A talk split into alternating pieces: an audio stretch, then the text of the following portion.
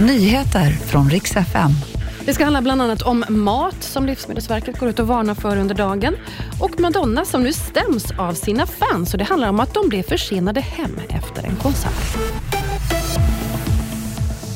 Vi ska börja i Göteborg. En kvinna har knivhuggits på ett hotell i centrala Göteborg. Och larmet kom tidigt i morse.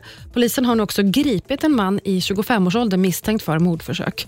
Han ska oprovocerat ha attackerat kvinnan i morse. Hon arbetar på hotellet och en sökinsats har pågått hela förmiddagen. Strax efter lunch kunde alltså mannen gripas i en lägenhet i Trollhättan. Vi ska prata lite mat. Det ska handla först om chilibearnaise som kommer från bröderna Franzén. Och där kommer ut en varning om att det kan innehålla listeria.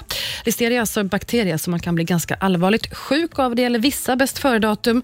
Och sen har det också kommit larm om dill från Coop. Den kan också innehålla listeria och det är varumärket Änglamark.